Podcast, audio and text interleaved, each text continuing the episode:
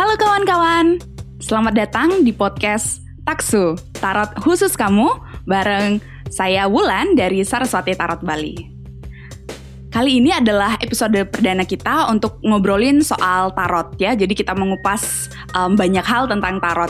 Apa sih itu tarot dan bagaimana sih uh, tarot di mata praktisi uh, tarot itu sendiri gitu dan juga uh, teman-teman yang berkecimpung di spiritual ataupun nanti kita membahas uh, dampak uh, tarot dan spiritual ke kesehatan mental kita.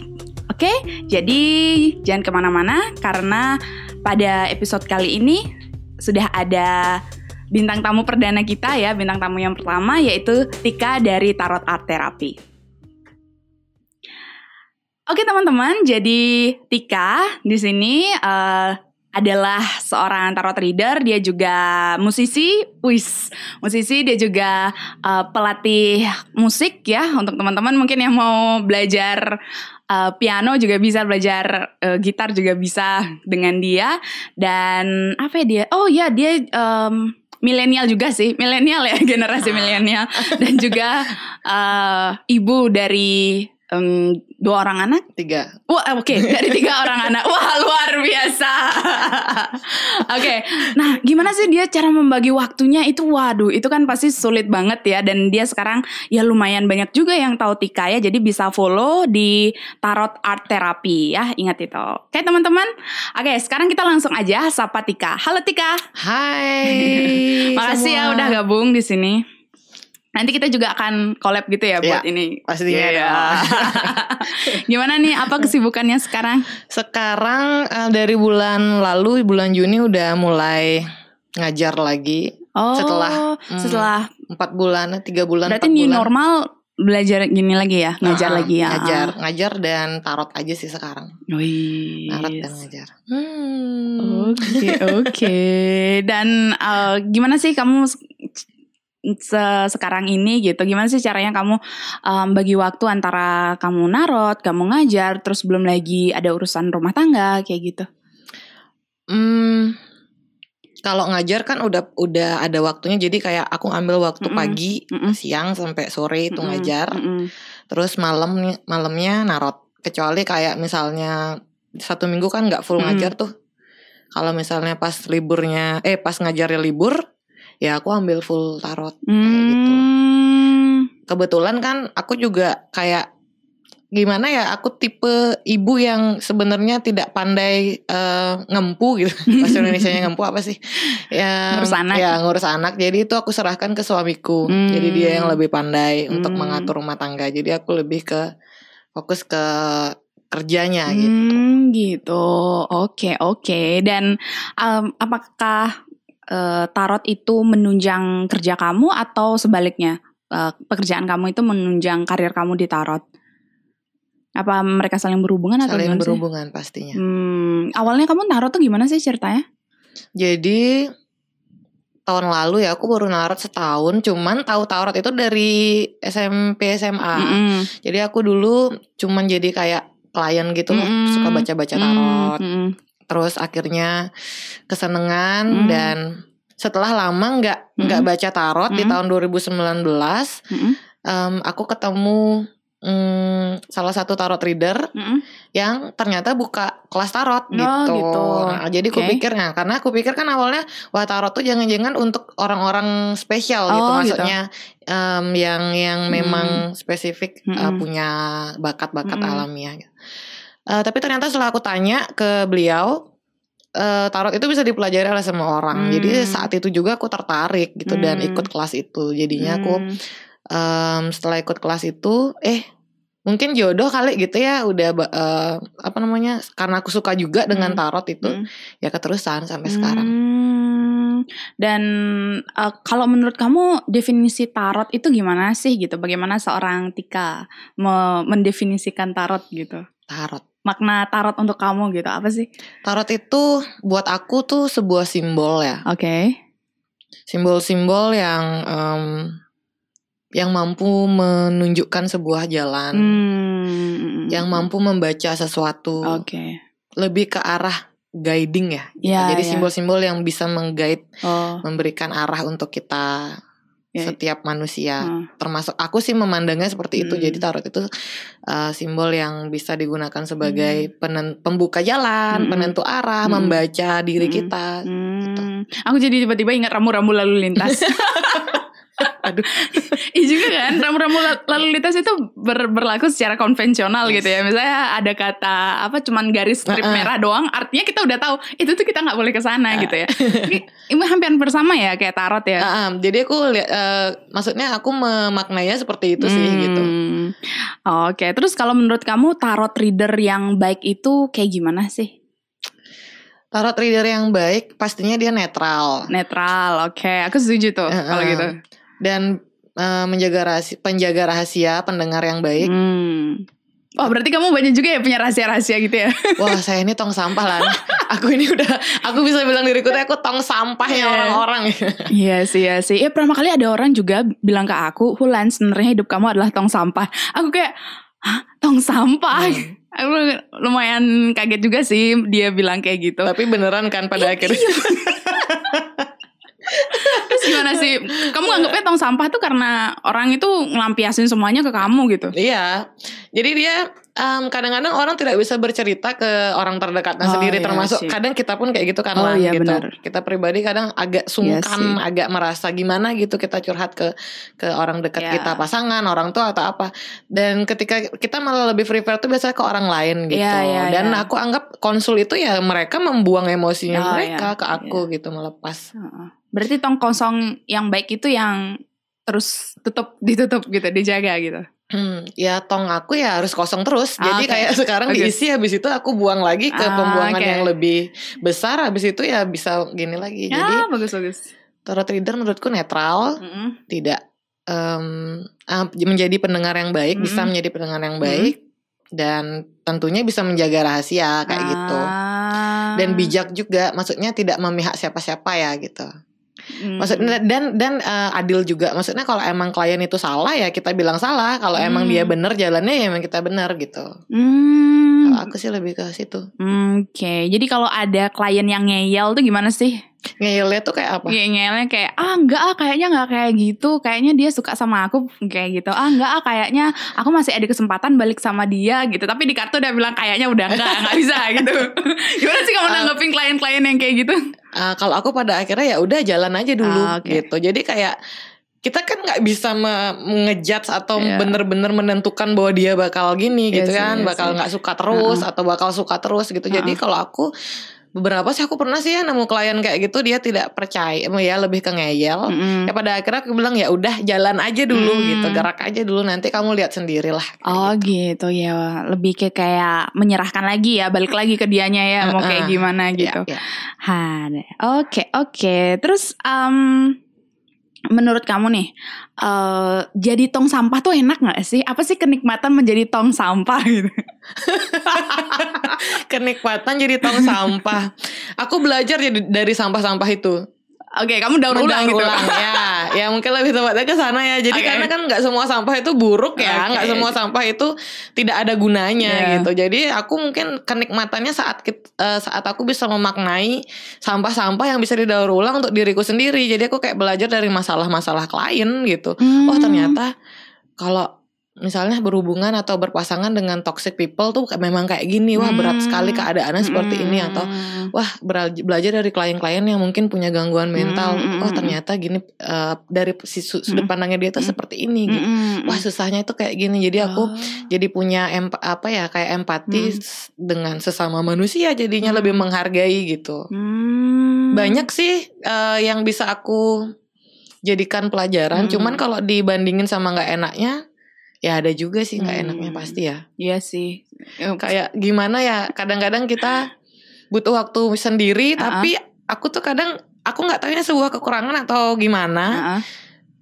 aku sadar diriku nggak baik-baik aja Oke. tapi aku nggak bisa meninggalkan em, aku nggak Hmm. bantu orang gitu kayak Hmm. Kasihan aja gitu kayak nggak Iya tega aja itu Iya. sih kayaknya yang yang kurang dari aku Mm. gitu kayak sebuah kelemahan sih aku bisa bilang Hmm. Padahal aku kondisinya nggak baik-baik aja. Aku Mm. tahu sebenarnya yang harus diutamakan Mm. diriku. Mm. Tapi kalau ada orang yang tiba-tiba nangis-nangis, Mbak Tika, Mbak Tika, ya aku pasti oh. ya udah sini kayak gitu. Oh, jadi mungkin jadi gang, uh, uh, waktu pribadimu juga terganggu karena sometimes. Karena, oh, jadi okay, mungkin Ulan bisa kasih masukan aku untuk masalahku yang itu. ya itu sih uh, ya itu sih kalau kalau aku sih pribadi mikir bahwa kenikmatan menjadi tarot reader itu saat kamu tahu kapan waktu untuk healing diri kamu, kapan hmm. kamu membuang sampah-sampahmu, kapan kamu mengosong kantong kamu, kapan kamu siap menerima gitu. Kalau memang kamu walaupun lagi penuh tapi kalau memang masih siap ya ya it's okay gitu. Tapi kalau memang udah nggak siap, mending kita nggak bisa buka waktu itu gitu kan. Waktu apa mm, spare waktu untuk dia gitu. Waktu konsultasi nggak bisa dibuka. Karena kalau kita memaksakan nggak bagus di dia gitu. Mm. Aku sih biasanya ngasih pengertian ke klienku yang kayak minta, ayo kak sekarang kak pokoknya sekarang kak gitu. Aku pokoknya pokoknya kayak besok itu dunia mau hancur gitu. Tapi uh, aku bilang aku uh, berikan pengertian mm. gitu. Kalau kamu mau jawaban yang pas, ya ditunggu ditunggu dulu gitu sampai aku ready gitu. Gitu sih. Jadi aku lebih ngasih pengertian ke dianya gitu. Wah itu bener-bener iya sih. Kadang-kadang aku merasa selalu kayak perasaannya merasa bisa bersalah. enggak bukan bukan merasa bersalah tapi kayak oh bisa bisa nih bisa handle walaupun aku lagi tahu lagi nggak baik baik aja gitu uh. tapi pada akhirnya ada ada yang berontak nih dari tubuhku hmm. bilang yang enggak ti kamu nggak bisa gitu cuman hmm. kadang-kadang beberapa waktu aku maksain cuman ya pada akhirnya ya lari pasti kan lan boleh curhat nggak iya kita juga saling curhat ya sama taruh reader tuh memang harus saling curhat Bener. juga kan karena kan kita kalau aku sih merasa kayak gitu. Aku lebih ke kalau aku ada masalah, mending hmm. aku cari tarot trader lain. Ah. Aku jarang mau buka kartuku sendiri. Oh gitu. gitu. Nah, kenapa tuh kamu jarang buka kartu kamu sendiri? Karena aku sadar aku orangnya suka ngeyel maksudnya ketika aku mengingkari kartu sendiri jadi ketika aku buka kartu kadang-kadang oh enggak ah masa nggak bisa gini sih sesuai dengan kehendak aku maunya sesu disesuaikan dengan kehendakku gitu itu, hmm. itu yang parah sih makanya hmm. aku harus perlu banget bantuan orang lain hmm. gitu untuk hmm. untuk meluruskan yang nyaplir nyaplir ah, oke okay. iya kadang-kadang ya kalau ya tentu kita perlu masukan gitu ya dari orang-orang yes. yang yang kita percaya hmm. gitu tapi itu kan orang yang mensupport kita. Nah gimana dong kalau orang yang nggak support kamu gitu? Ada nggak sih omongan-omongan negatif? Eh Tika sekarang taruh trader, wah Tika nanti bisa nyetek, oh Tika nanti bisa guna-guna gitu. Ada nggak sih atau ada nggak ya sih yang menyepelekan? Ya cuma taruh trader apa sih uh, bagusnya gitu? Ada nggak sih yang kayak gitu? Oh ada banget lah. Cuman lebih ke ini loh. Wah Tika semua diambil kerjaannya gitu. Oh. Gak cukup ya satu-satu. Wah tiba-tiba udah jadi peramal aja nah. Orang-orang oh, kan gitu. mikir bahwa tarot trader tuh uh, seorang uh, peramal. Mm, mm, mm. Padahal aku mikirnya sih kita nggak ngeramal ya. jadi dibilang balian gitu gak sih? Iya kayak tiba-tiba dia manggil jeru jeru. Oh jeru jeru. Can you imagine gimana perasaanku yang nggak tahu apa-apa terus dipanggil jeru? Kalau aku sih nanggepinnya ya gimana ya? ketawa aja nah. gitu oh iya ya gitu toh juga selama masih dalam konteks kata-kata yang iya tidak sih. terlalu menyakitkan ya aku cuek aja cuek gitu aja gitu uh -uh. sama ngomongan-ngomongan mereka gitu ya ya yes, sih kadang-kadang kadang-kadang kan ada tuh yang kayak ngerasa bahwa mm, kita itu di dipandang tuh wah keren, wah hebat gitu. Tapi mereka mengapresiasinya justru uh, jatuhnya negatif hmm. gitu kan. Nah kadang-kadang itu sih yang buat agak turun gitu ya rasanya moodnya itu gitu. Kamu pernah gak sih ngerasain turun mood gara-gara ada entah itu klien, entah itu orang terdekatmu, entah orang yang kenal cuman sama kamu bilang bilang sesuatu tentang profesimu sebagai tarot reader gitu. Terus habis itu kamu jadi bad mood. Pernah nggak gitu sih? Wah pernah banget. Terus kamu gimana sih uh, tanggapannya waktu itu? Ah uh, gini, aku tersinggung sih ah. karena waktu itu kan kondisinya mm -hmm. kalau di pemahamanku setiap orang itu punya ciri khasnya. Mm -hmm Hmm, masing-masing pasti punya kelebihan dan kekurangannya gitu. Jadi saat itu ada seorang sebenarnya dia um, ngerti juga sih soal tarot gitu. Mm -hmm. Dia ngerti juga spiritual dan memang konteksnya saat itu yang ditanyain ke aku tuh yang nggak aku paham gitu. Oh, oke okay, oke. Okay. Dia nanya twin flame oh, gitu yeah. kan. Nah, cuman aku memberikan masukan tambahan kayak aku baca dari sisi aku ya yeah. gitu. Aku uh. baca dari um, jalurku siapa tahu bisa mm. dapat masuk kamu mm. bisa dapat tambahan masukan mm. gitu atau uh, tambahan sesuatu gitu. Mm. Tapi ternyata setelah dibaca dia malah bener-bener benar-benar menggurui kamu Iya. benar-benar enggak benar-benar bertentangan bertentangan dia bilangnya Hmm. sampai pada akhirnya keluar kata-kata wah kamu nih nggak ngerti berarti kayak gitu kamu nggak Hmm. bisa berarti ya. Berarti dia ngejudge langsung gitu ya, ya? ya jatuhnya ngejudge sih. Hmm. cuman pada akhirnya aku eh, ya saat itu tersinggung lah gitu kan sampai aku yang em, salah ya memangnya Hmm. kalau tarot reader itu nggak bisa baca twin flame Hmm, gitu hmm, hmm. salah ya kalau Oh, emang iya. eh, emang ada bacaan mengkhusus nggak sih soal twin flame Hmm, kayak hmm. gitu karena aku pikir itu berat gitu Hmm, loh iya. gitu berat twin flame karmik yang gitu-gitu tuh ah ber- berat gitu Iya, jadi berarti kan kita harus yang penting kita tahu kapasitas kita Hmm. kan. Jadi kita ya udah kita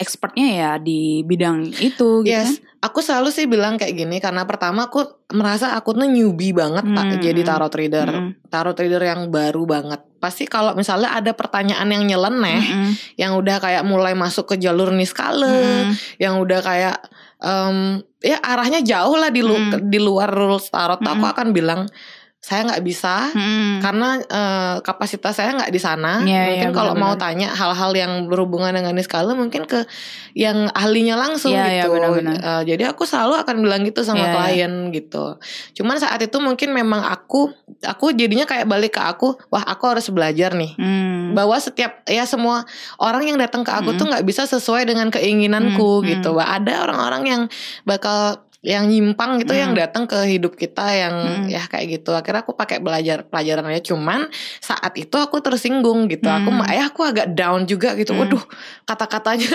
bagaikan eh, kalau bisa dibilang ten of sword gitu loh. Nusuknya tuh oke. banyak gitu loh. Oke. Tiba-tiba ada pedang banyak yang nusuk tubuhku yang kayak Wah, bagus juga ya obrolan kita ya. Kayak ten of sword itu loh. Jadi kayak gitu eh, Oke. Down juga sih aku Sempet yang kayak berhari-hari aku pikirin Mm. Aku terngiang chatnya itu gitu loh Tapi pada akhirnya aku Wah gak bisa gini terus tik Chatnya Mm. dihapus Mm. Daripada kamu baca terus Iya. Udah hapus aja Oh. Move on gitu Kamu Iya. emang belum bisa baca Twin Flame Ya Oh, udah gitu. nggak apa-apa kayak Oh. gitu Kita cari rules yang eh, sesuai dengan kamu aja Kayak Hmm, gitu Ya, se- sepanjang kita menyadari keterbatasan kita, Hmm. menurutku it's okay gitu ya. Yes. Kita juga menghargai keterbatasan kita itu yang paling penting menurutku Hmm. kan. Itu terus, eh, nah tadi tuh mbak soal spiritual gitu. Jadi ada yang nanya mungkin tentang hal-hal spiritual ke kamu dan kamu bilang itu bukan kapasitas eh, kamu gitu. Nah, Hmm. kamu ngerasa nggak sih eh, ketika kamu jadi tarot reader tuh kamu lebih spiritual, kamu re- lebih religius kayak gitu ngeras eh, ada kayak gitu nggak sih? Em, kalau nilai-nilai spirit yang ada dalam hid- tubuhku tuh aku ngerasa lebih aktif Oke. kayak intuisi Mm-mm. peka Mm-mm. gitu loh terus eh, kepekaan intuisiku lebih aktif terus feelingku lebih main Mm-mm.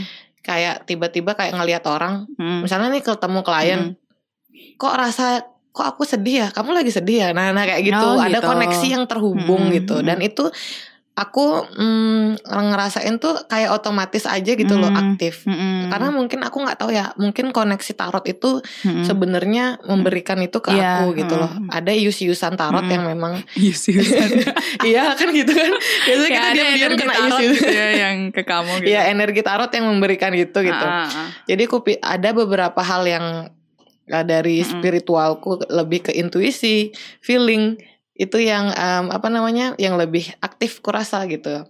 Yang lebih apa namanya ya yang lebih ber, apa ya aku secara otomatis kayak dilatih aja gitu untuk lebih intuisi intuitif lebih empati mungkin sama Mm. orang kayak gitu itu sih yang baru aku rasain tuh ya sebatas kayak kayak gitu Oh, jadi jadi kamu sadar bahwa tarot itu bukan hanya nolong orang, tapi yang terpenting adalah tarot itu mampu untuk menolong diri kamu sendiri dulu gitu kan. yes Dan kamu jadi ya bertransformasi gitu kan dari segi uh, spiritual dan berarti kamu ngaku nih lebih religius sekarang. Ah, religius enggak, tapi Oke. lebih ke spiritual karena kalau religius itu kan lebih ke agama ya. Oke. Aku masih nggak paham sih soal Oke. agama gitu. Cuman kalau spirit tuh aku paham kayak Hmm. spirit tuh lebih ke intuisi, Hmm. lebih ke jiwa kita. Jiwa kita bertumbuh lebih dewasa. Nah, kayak gitu. Yang Oke. dulunya mungkin eh, cepat eh, kayak temperamen, Oke. tidak bisa memandang segala hal dari Oke. sudut dewasa sekarang Hmm. sudah bisa Hmm, kayak gitu. Oke, berarti dulu kamu sempat ada di masa krisis gitu ya, kayak ada cedera batin, ada uh, ada trauma, ada hal-hal yang membuat kamu kayak eh kayak bingung nih ke mana hmm. gitu. Berarti sebelum tarot nih ada nggak sih yang kayak titik krisis kamu gitu, sehingga itu berpengaruh ke mental kamu? Ya, um, beberapa tahun lalu aku ke gagal segala-galanya. Pendidikan okay. gagal, kuliah nggak selesai. Nah, Asmara juga gagal-gagal terus saat mm -mm. itu. Sama orang tua juga nggak mm -mm. bagus gitu. Um, aku berpikir di situ titik bener-bener aku kehilangan banyak hal gitu, mm. termasuk um, menciptakan trauma-trauma baru gitu. Oke. Okay. Oh Dan, berarti kamu juga menciptakan ya, trauma baru justru? Okay. Secara tidak sadar, oh, iya karena sih, benar -benar. Um, orang lain memberikan situasi ke hmm. di dalam hidupku. Okay. Tiba-tiba kayak temen ngilang hmm. gitu, yang hmm. udah yang udah kita percaya, terus kayak uh, pacar uh, selingkuh sama teman sendiri, nah ah. kayak kayak gitu.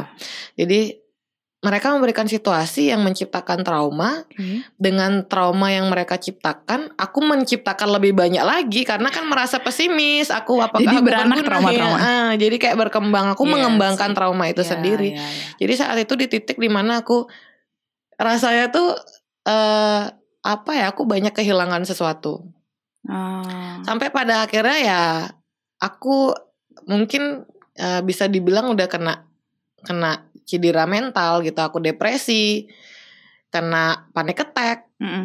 gangguan mood gangguan mm. tidur mm. dan yang lain-lain nah itu di situ bener-bener yang wah kenapa lagi gitu oh, ada iya. apa sebenarnya kenapa aku gitu loh banyak pertanyaan yang aku tanyakan hmm. gitu kenapa kenapa kenapa hmm. dan aku jadi membenci, membenci diriku sendiri hmm. itu titik terberatku saat aku membenci diriku saat aku membenci dunia ini saat aku membenci hidupku sendiri hmm. itu tuh bener-bener yang kalau sekarang aku inget-inget nyesel aku melakukan itu gitu hmm. kalau aja dulu aku paham kalau hmm. ini sebuah proses gitu ya hmm.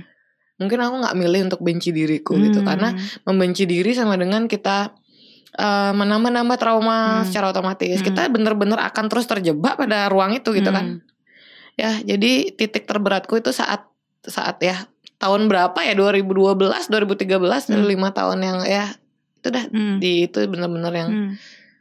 aku merasa kehilangan gagal di segala hmm. aspek kehidupan hmm. ini hmm. gitu yang di mana aku ngeliat teman-temanku udah wisuda hmm. wah ternyata aku jadi sarjana nggak mampu hmm. gitu loh padahal kalau aja aku mau gitu agak maksain dikit aku atau Iya aku inget banget loh IP kamu, IPK pertamamu tuh bukan 4 kan? Iya 3,9 Tiga koma sembilan Wah gila Itu tuh bener-bener bukan bidangku ya Itu iya, bukan bidangku Aku iya. bisa dapat IPK yang tinggi Tapi pada akhirnya aku meninggalkan juga gitu loh ah, Aku nggak tahu saat itu aku tuh maunya apa tuh aku nggak tahu yang jelas hmm. aku sadar saat itu aku nggak suka bidang itu hmm. aku maunya lebih ke seni gitu oh. tapi ternyata kuliah musik aja juga aku gagal gitu. hmm. gitu dan mungkin semakin ke sini aku tahu oh Aku ini mungkin memang tidak besar, tidak akan besar dengan titel sarjana itu. Aku okay. mungkin tidak tidak akan dibesarkan dengan formalitas pendidikan, okay. tapi pendidikan di hidup ini gitu segala prosesnya yang membuat aku jadi lebih okay. besar. Gitu. Wah, gitu. itu dia.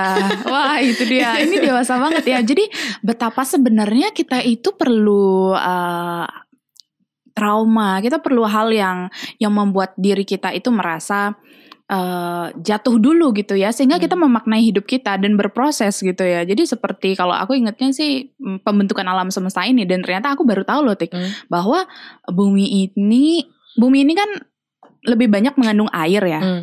tapi ternyata air itu bukan dari bumi gitu Iya, ternyata air itu uh, terjadi karena bumi bertabrakan sama planet yang 100% tuh air gitu. Jadi kayak mereka tabrakan keluar dan mereka jadi satu blend gitu, ngeblend. Oh, gitu. Jadi gitu. coba iya, jadi ada itu di uh, di YouTube-nya. Itu hmm. kayak lagi populer deh sekarang YouTube dokumenternya itu. Hmm. Uh, jadi nah untuk teman-teman juga nanti aku kasih tahu linknya di mana. Uh, jadi di situ dia bilang bahwa kita itu ya memang harus berproses gitu hmm. loh. Kita memang harus berproses. Bahkan bumi pun berproses untuk mendapatkan air yang melimpah gitu loh, sehingga kita bisa hidup nggak kayak di bulan yes. gitu kan. Iya gitu sih. sih. Nah, gimana sih caranya? Nah, itu dengan berbagai hal ya dan udah berkali-kali kamu merasa jatuh. Kok bisa sih kamu bangkit gitu? Kan banyak nih orang beberapa orang itu yang memilih um, depresi lah memilih justru merusak dirinya entah itu pakai obat-obatan entah itu ke jalur yang lain gitu uh, kamu gimana sih kok kamu bisa bangkit gitu? Kalau ditanya ke gimana proses bangkitnya, aku udah nggak inget ya. Maksudnya okay. aku aku pun kayak kayaknya sadarnya tuh udah lebih baik gitu loh. Maksudnya, okay. oh oh udah aku okay. kayak otomatis gitu okay. tapi um, mungkin itu lebih ke aku pernah ket, aku ketemu beberapa orang mm -hmm. yang kayak dia lebih sadar mm -hmm. Tik kamu tuh salahnya di sini deh gitu Tik kamu tuh traumamu ini deh gitu kayak dia menemukan titik-titik di mana memang puzzle-nya tuh agak nggak cocok gitu okay. ya di dalam diriku. Iya iya iya. Ya tik coba yang ini tuh dirubah ke sini gitu. Okay. Ada beberapa secara otomatis aku kayak okay. ketemu orang-orang okay. ya termasuk kamu gitu. Ulan tuh salah satu orang yang sangat berpengaruh loh untuk kebangkitan. Ih, kayak gitu. Ya, jadi ya teman-teman Ulan ini tuh sangat berpengaruh ke perkembangan spiritualku juga gitu. Jadi ya dari yang nggak tahu tuh aku jadi tahu gitu berkat Ulan. Jadi Ulan tuh teman sharing yang luar biasa. Dia punya kapasitas otak yang aduh kalau aku tuh bisa bilang udah cerdas terus mm, hampir jenius lah gitu ya. Maksudnya dia ditanya apa aja tuh bisa jawab gitu. Jadi kayak lebih tapi kalau aku ditanya C minor crash itu nggak ngerti. Nggak maksudnya tentang kehidupan gitu. Kamu oh, banyak tahu gitu dan kamu salah satu orang yang berpengaruh banget di hidupku gitu. Jadi sampai aku bisa kayak gini. Jadi tuh mungkin kayak caranya bangkit dengan mengolah kekuatan. Hmm. kekuatan yang hmm. datangnya dari lingkungan gitu. Terus aku kayak waktu itu lebih ke pertama hal yang harus aku, yang aku lakukan seingatku adalah mengalah. Mengalah ya, iya benar-benar benar. aku kayak udah. Aku setuju tuh. Uh, uh, jadi kayak mungkin selama ini aku hmm. di, di apa udah babak belur, hmm. tapi aku tetap nggak mau nyerah gitu. Hmm. Aku lawan nih, ya, aku nggak mau hmm. gini, aku tetap harus gini, aku tetap hmm. harus bangkit. Aku hmm. memaksakan kehendak, hmm. tapi pada padahal tuh kita udah kayak hah bawa yeah. belur gitu udah yeah, udah yeah, sudah iya. nggak yeah. bisa bahkan untuk melek aja kayak udah nggak kuat jadi saat itu aku ngalah dan orang yang pertama kali aku uh, giniin seingat aku tuh adalah bapakku karena okay, yeah. karena bapakku mungkin sangat besar pengaruhnya yeah. menjadikan aku yeah. orang yang pemberontak okay. dengan segala masalah kami gitu. Okay.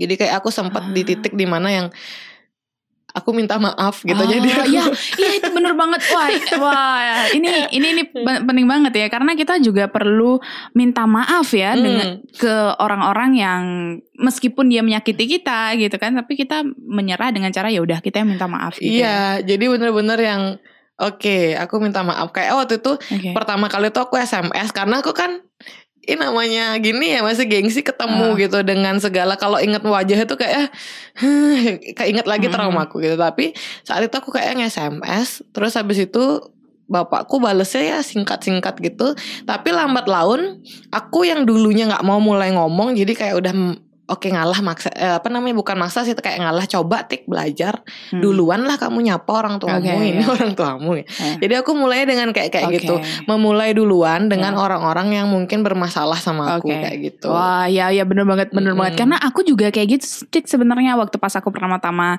agak aneh gitu ya. Anggaplah di titik terendahku juga waktu itu sekitar berapa beberapa tahun yang lalu zaman tak elok. aku tuh uh, karena aku juga ngerasa aku kehilangan teman-temanku hmm. gitu ya dan aku justru aku yang SMS mereka zaman dulu belum ada WhatsApp hmm.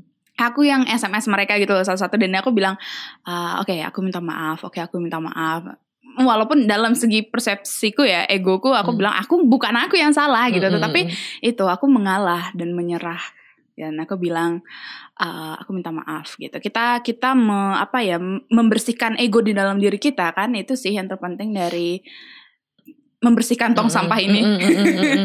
ya jadi aku udah mulai kayak ya udah nyerah bukan yeah. untuk kalah gitu ya, yeah, tapi bener. nyerah untuk saya membuka jalan-jalan kemudahan ah, saya gitu. Yeah, Jadi yeah. banyak hal yang aku nih orangnya gengsian dulu okay. tuh beh be. untuk bilang maaf tuh kayak no, Tika nggak akan bilang itu gitu. Okay. Apalagi ngaku aku salah tuh enggak, tapi okay. Ya proses hidup membuat yeah, aku pada akhirnya mau nggak mau belajar okay. bilang maaf, yeah. tolong ya, yeah. dan terima kasih. Yeah. Itu tuh kayak ya di mana-mana semua yeah, orang sih. udah tahu itu tiga yeah. tiga kata ajaib. Yeah.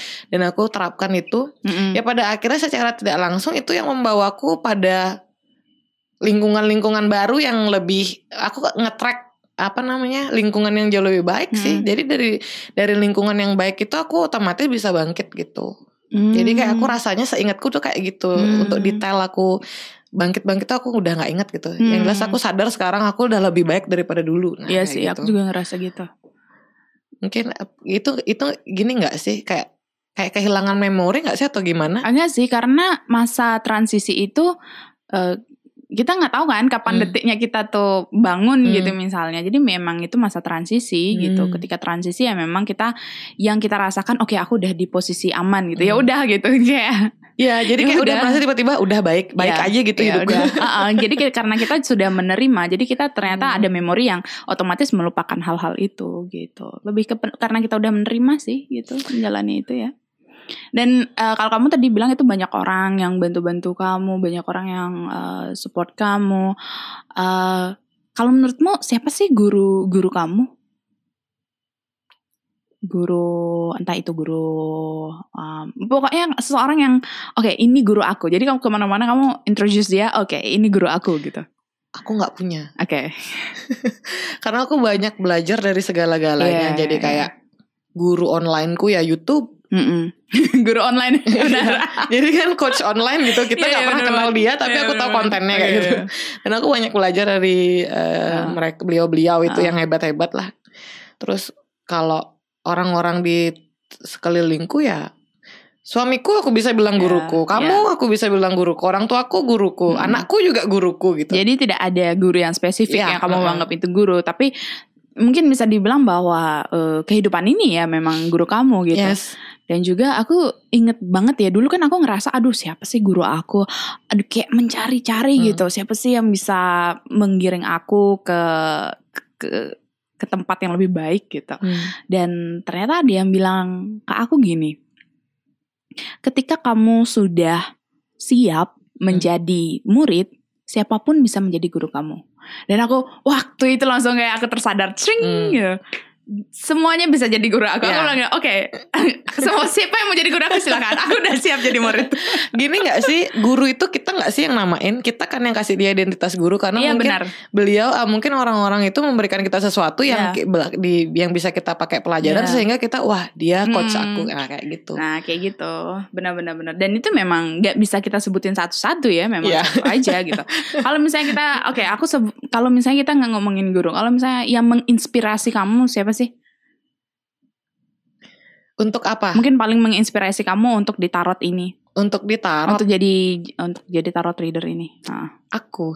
Aku yang paling menginspirasi Kamu diri menginspirasi diriku Oke okay, bagus Kita rekam itu Kita menginspirasi diri kita sendiri gitu. yes. gitu Itu jadi aku keinget sama liriknya Bill Ellis gitu Lagu yang terbaru Judulnya Tiba-tiba aku lupa judulnya Tapi dia bilang bahwa I'm in love with my future gitu hmm. Jadi dia yang bener Bener-bener Ya itu in love dengan dirinya sendiri untuk ke masa depan gitu. Jadi ya ya Tika sorry itu.